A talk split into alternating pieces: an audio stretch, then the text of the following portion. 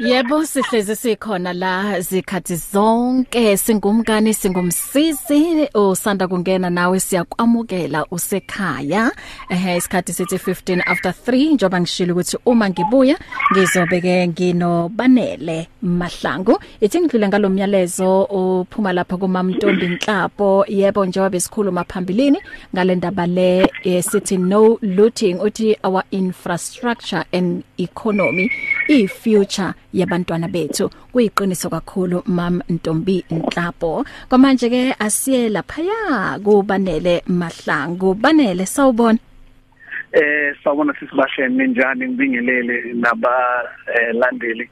Eh abalaleli be-radio pulpit ngiyajabula ukuba nawo njani Ngiyaphila ngiyaphila ngiyaphila mfowethu. Ave Amen. ave ngijabule ukuthi ngixoxe nawe. Hey sokuyisikhathi ngijabule eside. mina kujabule mina kujabule mina.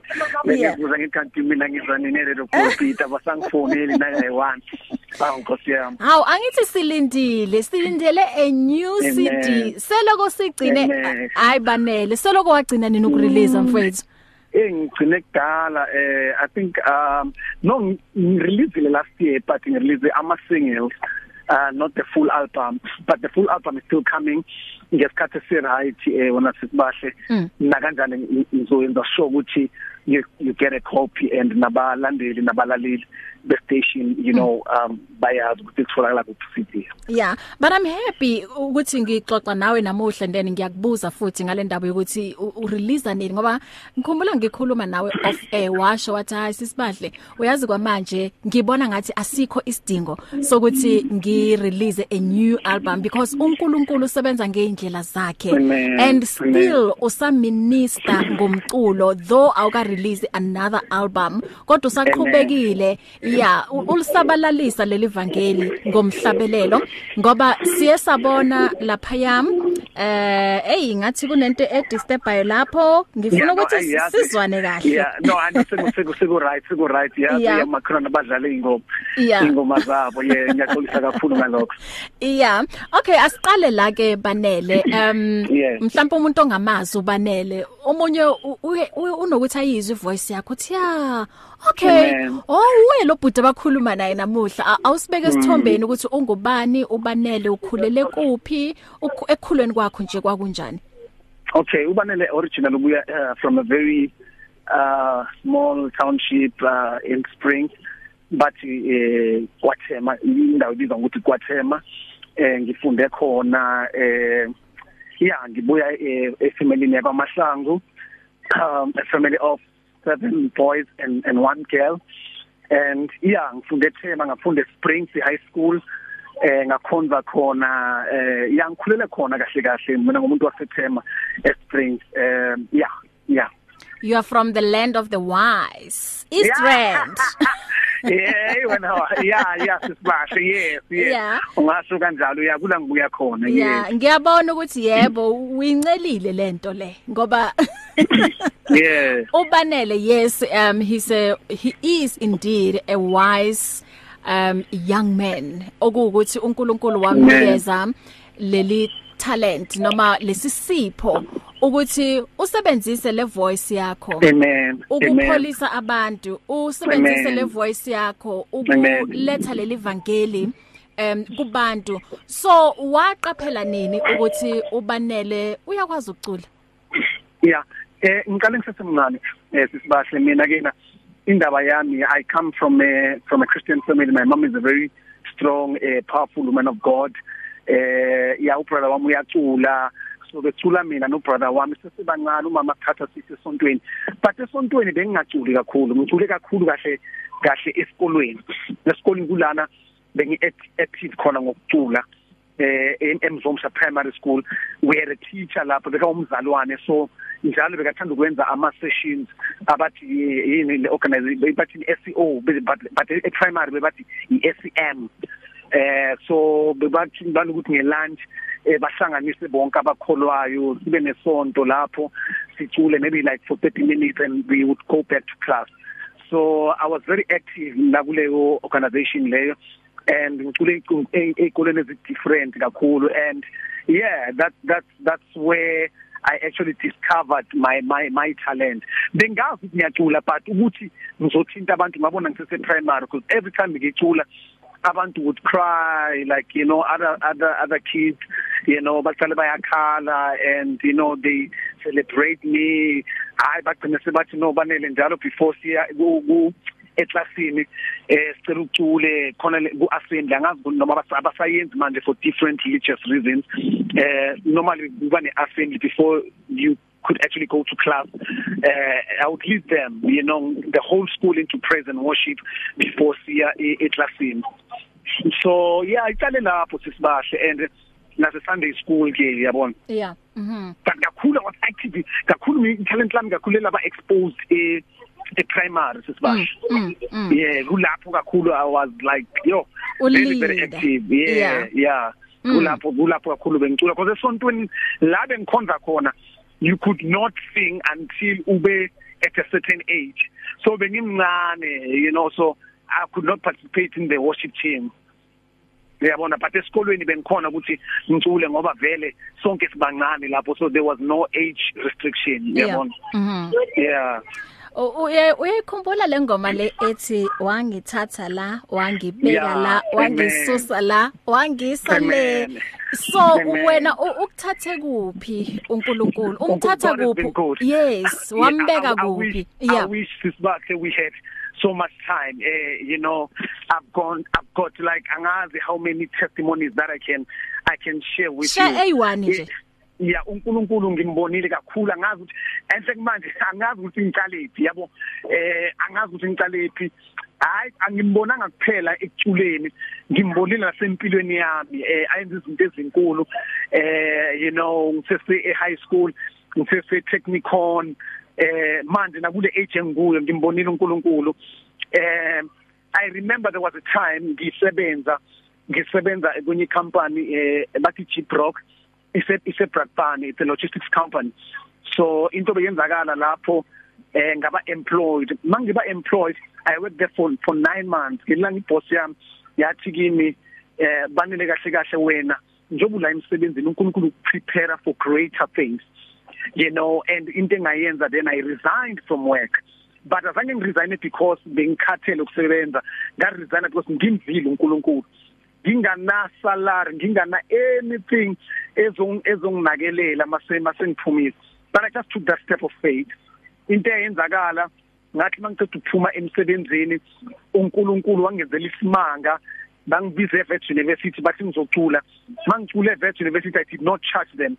Mangaba charge they had a concert kanti lapho kune lady omunye who's a who's a who's, who's financially you know uh yeah stable who's who's who's, who's loaded?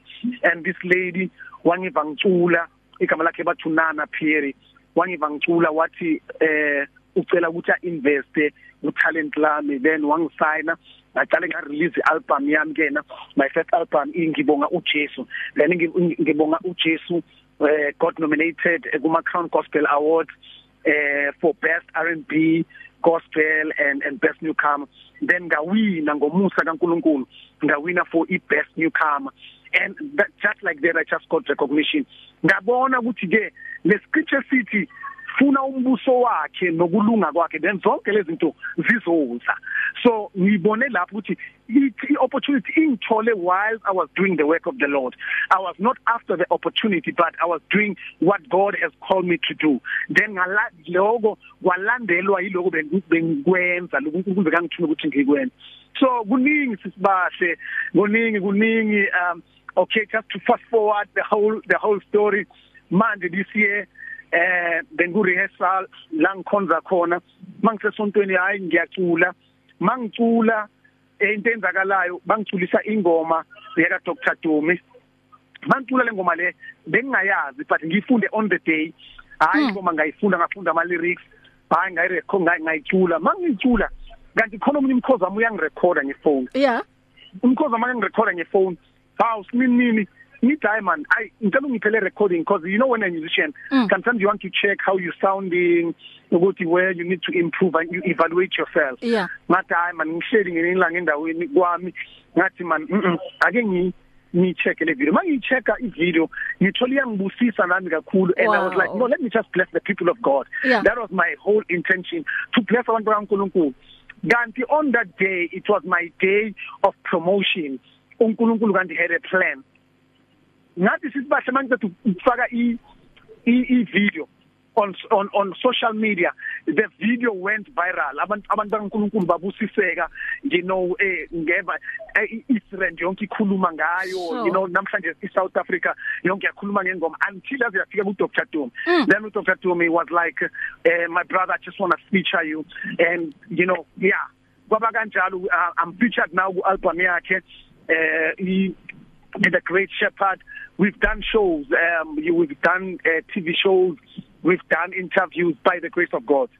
Sikhuluma ngale ngoma balele amen amen amen. Nami ngiye ngathi ngiyazama ukuzenza wena ngayirecorda ku social media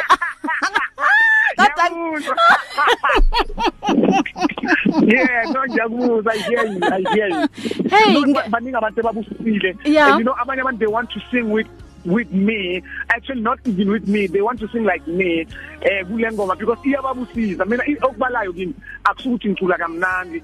Eh it's not even about the song. It's about ukhona umuntu makamamele le ngoma leyo uhlangana noThixo. Yiko kimi that's what matters. Amen. So kulida wena la. ungacula kamnandi but ungathinta abantu.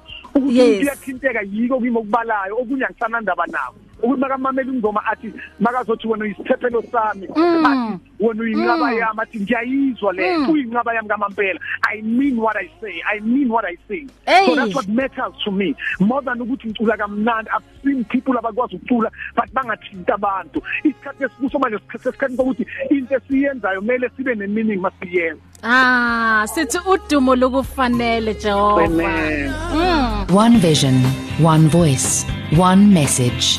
Radio Pulpit 657 AM and 729 Cape Pulpit, impacting lives from Gauteng to the Cape. It's difficult to face the overwhelming pressures of life alone. Sometimes we just need someone to talk to, someone to listen to us. And what better way to do that than through a quick and easy WhatsApp text? Whether you're having a hard time coping with school, family issues, being bullied, depression, or anxiety, speak to someone who cares today. Send a WhatsApp message to 064 530 6805 or 074 995 9085. Our I Am Youth Counseling team, Charles Dudoy and Danny Vambili, are ready to connect with you today.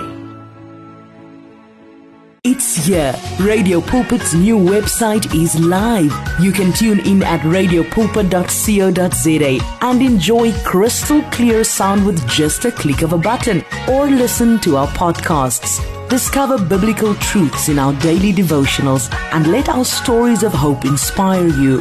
You can download our app on this new look, easy to use platform. Find your favorite program, get to know our presenters, and so much more at radiopulpit.co.za. Radio Pulpit, your daily companion. Give your faith wings. Explore life with 657 AM. 657 AM. Oh oh oh Wow, oh. Wow, hey wow. banele uyazi ama voice wenu wa wa- wablenda kamnandi. No, wow actually the one le oyidlalile yile yokuqala. Yeah uh which which one did you play? Udumo lokufanele. Yes yes yes Mm. yes. Okay okay. No khona le udlale le le yokuqala. Ngithi there's another version. No i i i, I played only one song. Yona le oyizwayo kwamanje. Yes le ni- no kule kula u Dr Chula i1 khona le enye la ngithula Oh la wena uleader yes besikhulumela phezukwayo that's the problem ukuthi besikhulumela phezukwayo ngidlalile and then saqhubeka sakhuluma. Kodwa Ah, okay, ile okay. okuwukuthi ku- ku-leader wena kuqala wena kucule wena angithi. Okay okay. yes. Okay mama mm. Yeah. So lengoma le iwubufakazi nje u- em, Amen. empilweni yakho ukuthi into bengiyisho ukuthi yes um sokuyisikhathi ungarelease kodwa uNkulunkulu neindlela asebenza ngazo. naku kwenzakele ukuthi bakuzwe ucula umuntu wakurecorda wayithatha wayifaka ku social media ku social media yafika kumnikazi. Umnikazi wathi woza um woza ngizokufeature kule ngoma. Amen amen. Mm. Ya into engayisho nje nasibasho ukuthi umusa kaNkuluNkulu like njengoba ngishilo ukuthi iBhayibheli lasho lithi seek ye first the kingdom of God and his Yeah. righteousness and all these things will be added unto you. So kahle kahle thina uNkulunkulu ufuna sifocus kuye then yena uyenza umsebenzi ngalezi zinto lezi sizifunayo mm. You know what i mean? And uh, it's still a journey it's still a journey sisibahle nami ngisa ngisa ngisa builder ngisa builder by God's grace eh ngiya- ngiya- ngiyathemba ukuthi ngelinye ili- ilanga Mm. eh i will i will have my own DVD eh abantu ba ba attend i concert yami eh you know and get to experience ubanele live you know and yeah and have a great time in the presence of the lord And siyambonga uNkulunkulu nangokuthi asebenzisa abantu abafana noSisinana. Um njoba uthi Amen. wakuthola wathi woza banele ngifuna ukusebenza nawe Amen, and amen, lokho amen. kwagcina wenzeni uthole Amen. neaward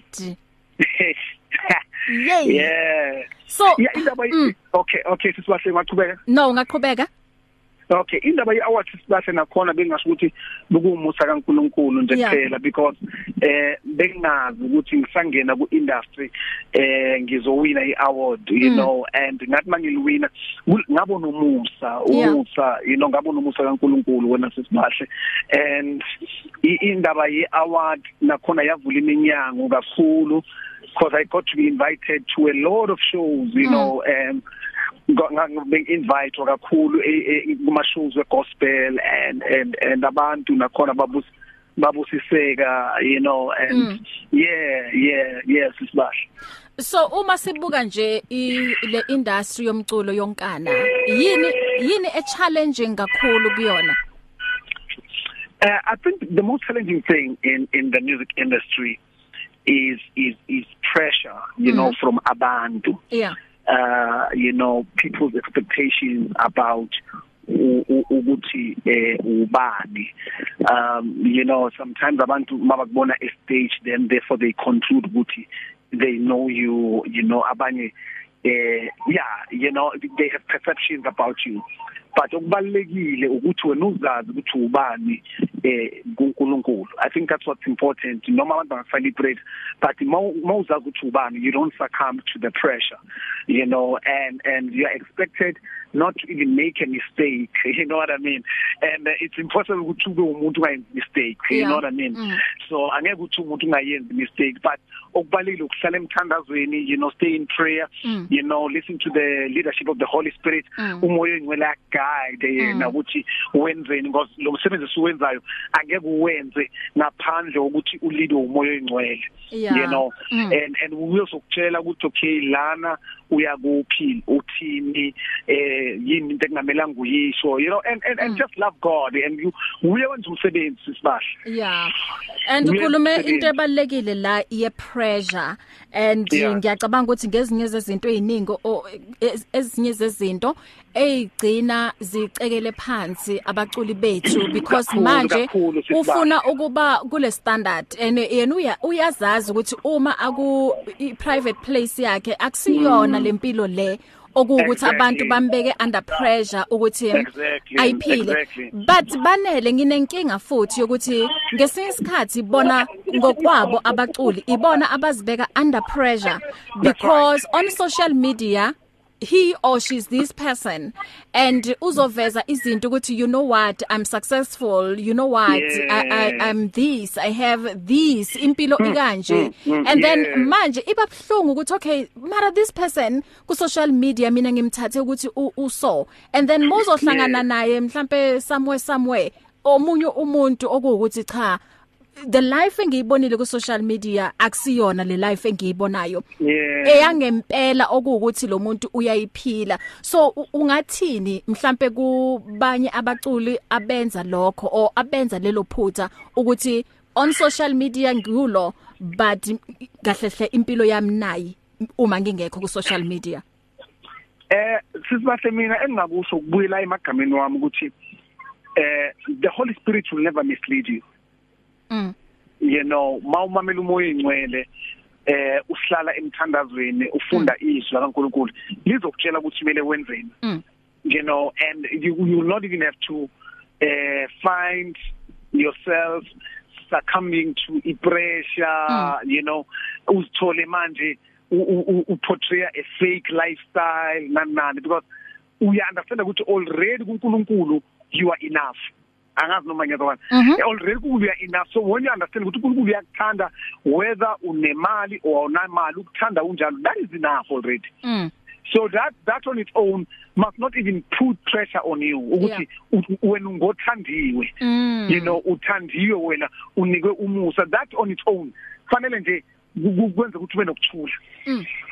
kumele kwenze kube nokuthula ukuthi ngithandwa uNkulunkulu whether i have or i don't have Mm. but uNkulunkulu uyangithanda Amen. Wow. you know i think into ebalekile ukwazi ukuthi uthandiwe i think more than anything else you know ukwazi ukuthi uNkulunkulu uyakuthanda Yeah. kukunika ipeace Yes. lokho nje ukuthi uNkulunkulu uyangithanda Yes. therefore i don't have to be under pressure i don't have to impress anybody Mm. the only person i must impress is god It's God. Wow. Yo, ay yazi uyi uyi- uyikhulumile indaba yakugcwala yazwakala. Um Amen. mhlambe lapha emakhaya bayathanda ukukhuluma nawe. Um ithi ke isivule incingo siza ukuthi mhlambe kukhona abathanda ukuxoxa nawe noma bathanda ukukubuza 0123341322 nginobanele eh mahlangu umzwile ufeature u Dr Dumi becula lengoma. Ey yazi iyangibu yazi thembe ngizwa first time lengoma. Ngathi futhi bengingazi yazibanele ukuthi wena oculayo lapha. Ngithi mara ubani? Ngithi mara la- le voice le a- a- akusiyona ka Dr Dumi. Ngi ngi- angena u Dr ngithi yes lena eyaka Dr Dumi. Amen. And then menginizwa niculana ngithi yes yes yazi lama voice ablenda Amen. kamnandi yebo sithi Amen. udumo ngempela limfanele uJehova Amen. 0123341322 sawubona usemoyeni Hello, hello is that uh, um hello o ka ra re go tlipila mo? A go tla papa Hello, hello? Hello, hello, mm ra ho utlwa yanong. Hello, hello? Hello, Pastor we hear you sir. Njani? siyaphila wena unjani? Okay, ngina lisizwe. Solukhuluma nobanele. khuluma naye ulalela amen Banele. my brother Hayi, sakade fana koshi. Uye phambili kakhulu. Ngiyabonga, amen. Ukubusiswe. amen Ngiyabonga. Ngiyabonga mfowethu na uNkulunkulu akubusise ngiyabonga kakhulu la lawo magama noma iline ingakuzwa kahle Mm. but ngiyeva ukuthi uthi kumele ngiye phambili ngiyabonga my brother Bye bye.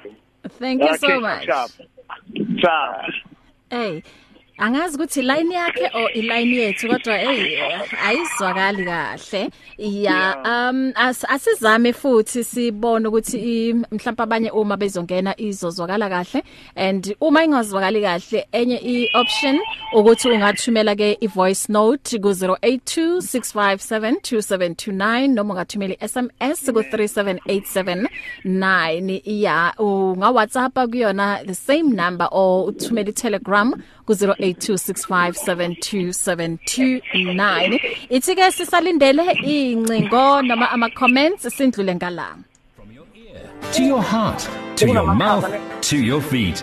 Join this life on 657 AM. If you need prayer, please send your request to prayer at radiopulpit.co.za or WhatsApp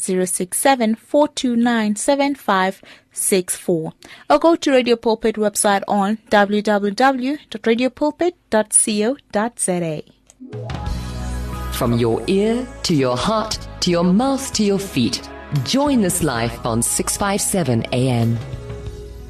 Silapha impela ku AM 657 singo Radio Pulpit uhlelo sijula ngezwi um i second hour yethu lena um njengoba isikhathi sithi 1542 medium wave 657 DStv audio bouquet 882 ungasilalela na ku OpenView ku channel 607 noma udownload iRadio Pulpit app. Ovakashela iwebsite yethu ku www.radiopulpit.co.za 0123341322 ngisahleli naye lam eh ubutbanele mahlangu. Hey um u- uyazi nje leya ngoma ethi ngibonga uJehova. Usibhalele yona? yeah no ngayibhala sisibahle mm. So yeah eh what was happening in your life ngaleso sikhathi? Ugcine uthi ngiyabonga baba ngi- ngibonga uJesu. Mina sisibahle ngulomuntu lo othanda ukubonga uNkulunkulu just for for for ukuthi uNkulunkulu empilweni yami kuphela. You know and more than ngokuthi ungenzeleni i just sometimes thank god ngithi baba ngiyabonga ukugcinwa nguwe ngiyabonga ukuthi you still love me. Father i thank you you know for giving me the opportunity to worship you. That for me ku- kukhulu that for me kukhulu sisibasha i don't want to lie. Then okunye ukuthi eh ngiyambonga for ukuthi ungenzeleni. Lokho sekuyibonus but ngiya- ngiyambonga nje ukuthi baba you gave me an opportunity to worship you. I just want to thank you for that. You know, I, I think yokubalayo yini ukuthi ngimbonga uNkulunkulu for ukuthi he's just God in my life. You know what I mean? So nje nje mangibhala nale ngoma ngithi ngibonga uJesu bengimbonga ukuthi baba ngiyabonga ukuthi wena unginike the opportunity to worship you. Ngoba hayi ngokuthi khona okunye o- o- o- engisafuna ungenzele kona but ngibonga wena for what you've already done for me empilweni yami. So I think that was the the, the inspiration behind the song ukuthi Lord I just want to thank you for who you are. yeah because sizoba nenkinga impela uma sizombonga uJehova because usenzele okuthile um Yeah. ikakhulukazi izinto eziphathekayo and uthola Eh, ukuthi yeah. if uyakhuleka and nothing happened Yeah. uzoba angry for uNkulunkulu That's right, you that's know right, that's yes so ukubonga ukubonga yazi ubonge Yeah. even nent uya uy- uyayicela uphinde ubonge uthi baba ngiyabonga And and, and just singene sisibahle le yazi Yeah. uNkulunkulu mawumbonga for ukuthi uNkulunkulu empilweni yakho Mm. uyakhona ukwenza nezinto ezinhle. yep Eh you know kune kunendoda eBhayibhelini eh if I'm not mistaken uSolomon eh uNkulunkulu uyambuza ukuthi ufuna ukuthi ngikwenzeleni? Uthi uSolomon eh ngicela iwisdom ngicela ukuhlakanipha. uNkulunkulu uthi ezwini lakhe ngokuthi ucele kahle sengizokwenzela naloku ungakucelanga wow. Mm. So kunezinto uNkulunkulu azokwenzela zona ongazicelanga kuye because ucele kahle. Mm. Uthi uSolomon ngicela ukuhlakanipha. So uNkulunkulu uthi because you have asked right. Mm. Sengizoyenza naloko ongakucelanga sure. You know so i think the attitude sometimes should be eh uNkulunkulu ngicela ungiphe ukuhlakanipha. Mm. Ngicela ungincede ngihambe ngothando. Mm. Eh ngicela ungincede ngi- ngingayenzi izinto ngendlela yami. Then yabona ukuthi lapho wenzani? Uyamprioritize uNkulunkulu then uNkulunkulu begins to do even wow. more things More. for you. Yes. True. You know. mm. Asitha asiye layinini? Sizo ukuthi sizo izozwakala. Um sawubona usemoyeni? Sawubona? Hello? Sawubona? Okay asizame ngala. Sawubona usemoyeni? Eh mina nabashashe. eh absheni mfundisi.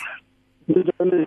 Siyaphila noma kuukuthi line yethu ngathi yaphazamisa kancane kodwa sizozama ukukuza Eh yithi kancane nje kodwa hayi umusono ukhona. amen Eh angingele inkambi yethu la.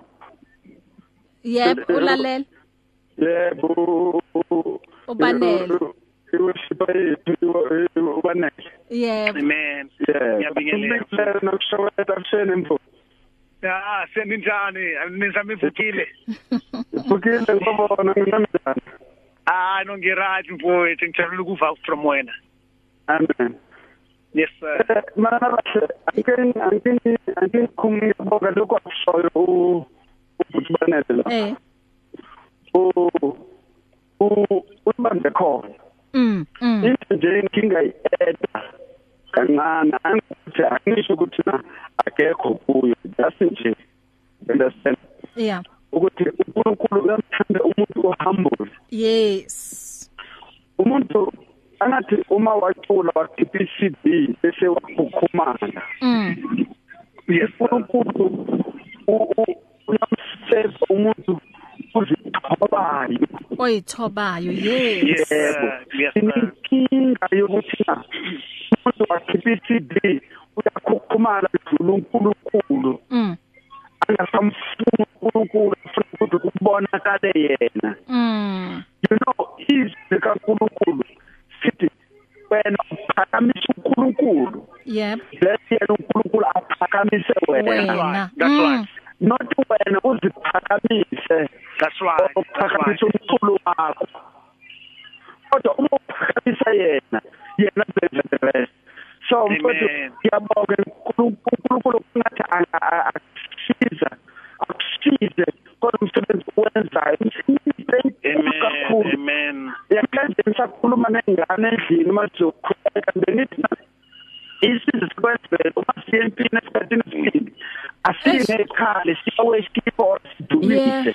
then God will do the rest amen unikeze wona nina ni more than ikhali ezi- ezibambiwe ngoba you can nokwazi ukumphakamise uNkulunkulu asikubisabe Hey. uma se- uma se-worship uNkulunkulu Amen. Mfundisi yazi Oh, iline siyamthanda yethu kakhulu. yebo iline yethu nje hey sizwela ebunzimeni kodwa mina ngikuzwile mfundisi ukuthi ukuyithoba kubalekile ukuthi siyithobe phambi kuka Jehova Amen. em sizehlise yena uzosiphakamisa. Hayi thina siyiphakamise bese sexpecta ukuthi asiphakamise. Thank you so much.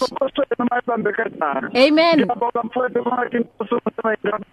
Uphakamise mono kodwa uma uphakamisa wena kade ulubeka lapha phezu kwekhanda kade bakubambe inyawo uphakamisa njengabantu berabhi angithi bakubambe inyawo bakuphakamisa wena bambe ikati ubeke phezu kwekhanda uyised yakhona uphakame yena amen. Amen. Thank you so much mfundisi.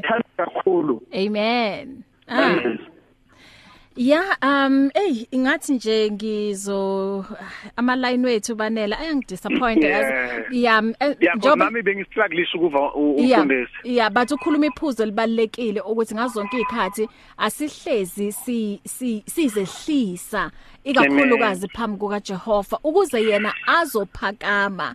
Singafuni ukuthi mhlambe asibusise ngento ethize kodwa uma siza phakathi kwabantu thina- like for instance wena uyahlabelela into engiyithandayo ngawo ukuthi uphakamisa yena. Awuphakamisi Amen. wena njengoba ushilo ukuthi yes you can have a beautiful voice but uthole ukuthi ah, ah, asikho isibusiso osilethayo kubantu. Come on. ngoba manje balalele wena and uh, you know ngaleso sikhathi ufuna ukuthi abantu bayizwe lento uNkulunkulu akuphathise yona. So Yes. ikona ngempela lokhu ukuzehlisa ukuthi ke kuphakame bani uJehova. Okay asiye lapha kuma mm, WhatsApp eh, WhatsApps umam Ntombi Nhlapo uthi butwam banele let the holy spirit work. Eh uthi amen uNkulunkulu akubusise. Eh uMathapelo uthi big up banele siyakutha oh umam eh, umama kaPhindi eh Manenza Oyimanenza okay uthi sikuthanda kakhulu la ekhaya. We are so proud of you. Siyabonga mama kaPhindi.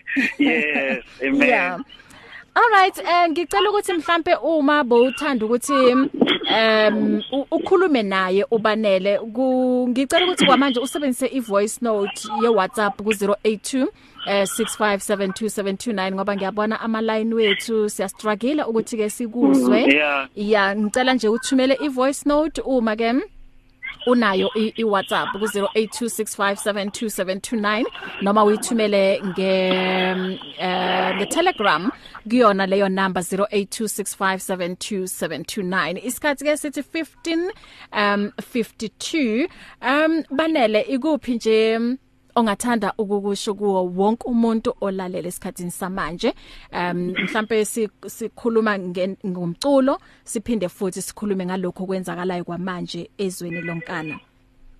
Into engayisho ukuthi um we are in trying times we are in difficult times. Into engi engidiscoverile ukuthi kubalekile ukunderstand ukuthi uNkulunkulu is for you. You know makwenzakala izinto ezibad noma lempilo zethu sinokucabanga ukuthi uNkulunkulu is not for us. But I've learned ukuthi God is for you. Mm. one of the best ways to receive izinto from uNkulunkulu is to understand ukuthi he's for you. He's not against you he's for you. Amen. you know so lamalanga nje yike ngimeditate kuko ukuthi God is for me.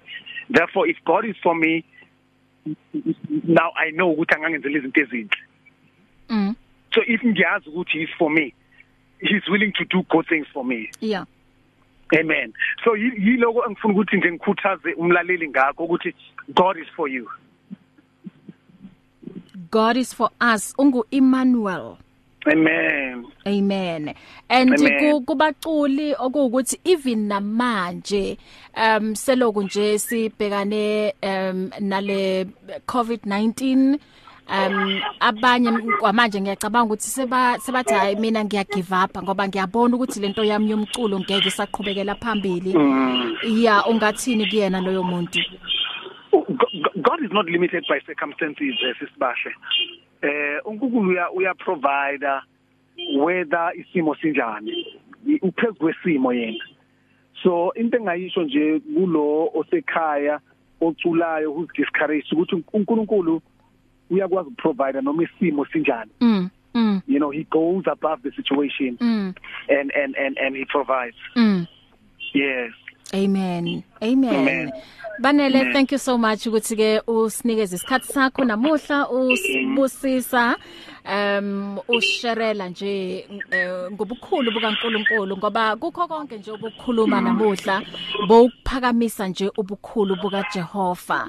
Um so si s- sithola nini ialbum yazi leyo yona ayi ayingiphethe kahle. Sithola nini album entsha? uh next year asibheke next year Oh 2022 Yeah Hello? ngo 2022 yeah. Banele? Yeah. Is line can you hear me? Yes. Yeah. I'm saying ukuthi sithola a, a new album ngo 2022 2022 a new album. Yeah. Yeah. Oh okay. Na, na kanjani na kanjani sisibahle and vele ngizenza sho ukuthi unayo now. Ngiyabonga kakhulu. uNkulunkulu akubusise uqhubeke nokuthi ulisabalalise eh leli vangeli ngomculo. Ibambe njalo mfowethu. Ngiyezwa ukuthi u- you know wena nje u- u grounded ezweni likaNkulunkulu. So ibambe njalo ukuthi nabanye abantu um ikakhulukazi kule industry okuyona babone ukuthi uma ubeke konke kuJehova yena naloko oku impossible Amen. uyakwazi ukuthi akwenze kube possible. Bless you. Asimbonga uJehova. Hello? Eh naye ubanele ethi ngibonga uJesu. Banele bye bye bye bye sisibahle hey line is bad ngapha. Ngiyabonga. Thank you so much to everybody kubeka mamele bless you. Amen. One vision, one voice, one message. Radio Pulpit 657 AM and 729 Cape Pulpit, impacting lives from Gauteng to the Cape.